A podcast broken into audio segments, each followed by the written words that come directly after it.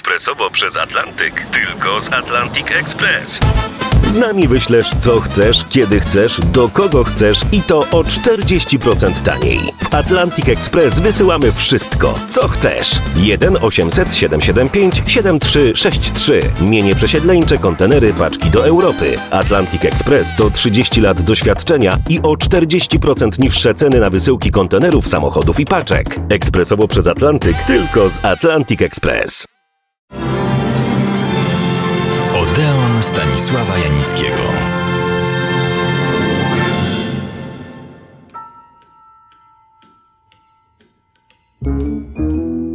Przed tygodniem rozpocząłem swoją opowieść o Peterze Sellersie, niezwykłym, oryginalnym i przez lata lubianym i cenionym komiku angielskim, który na ogół kojarzy się z różową panterą i tytułowym bohaterem, komisarzem Clouseau, trochę nierozgarniętym, gamoniowatym, choć w końcu wychodzącym na swoje. Był komikiem, który miał dużo wdzięku, kupę forsy i cierpiał. Tak pisano po filmie, jaki mu, już po jego śmierci w 1980 roku, poświęcono. Jawił się on w nim jako człowiek, który marnie kontaktuje się z rzeczywistością, nie radzi sobie z nią. Tak na marginesie. A kto sobie z nią tak naprawdę radzi?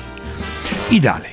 Woli on od niej, czyli rzeczywistości, uciec, niczym dziecko, w popis, w błazenadę. Woli zastąpić ją widowiskiem, w którym gra główną rolę.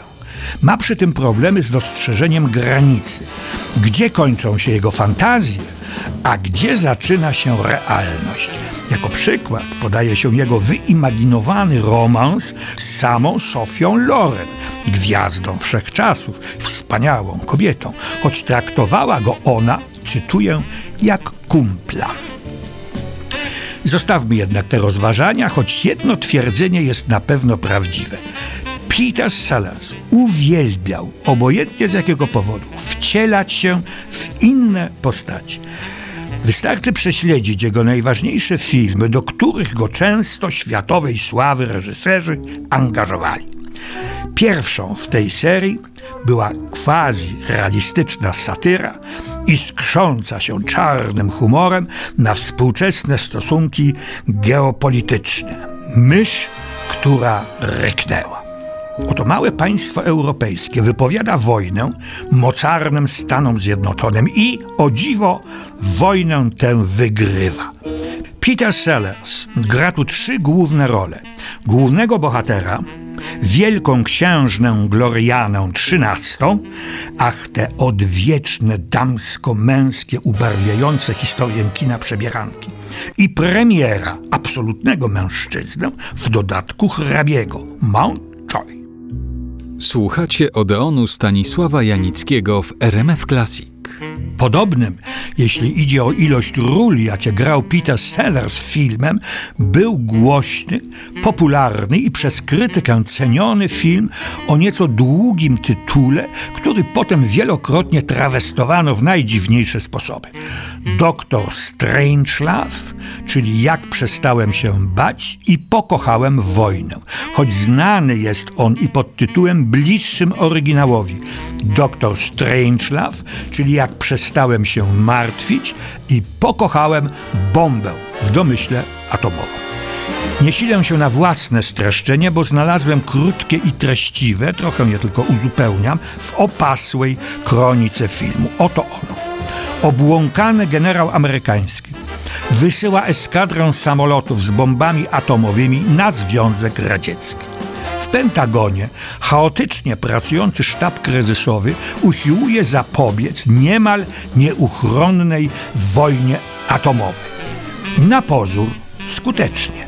Eskadra bombowców otrzymuje rozkaz powrotu, a prezydent USA przeprasza przez telefon, sławna czerwona linia, swego pijanego w sztok radzieckiego kontrpartnera. Nie na wiele się to zdaje bo w grę wkracza stary, sfrustrowany inżynier hitlerowski, ów tytułowy doktor Strangelove. Bez niczyjej wiedzy uruchamia on skomplikowane i tylko jemu posłuszne urządzenie do zniszczenia naszej planety, a tym samym unicestwienia wszystkich naszych ziemskich, wspaniałych i żyjących ze sobą w idealnej zgodzie i harmonii cywilizacji. Trochę sobie dworuję, ale film też od złośliwości, ironii i uroczo czarnego humoru nie stroni. Scenariusz powstał na podstawie powieści Petera George'a. Maczał w nim, to znaczy brał udział w pisaniu scenariusza, też palce reżyser.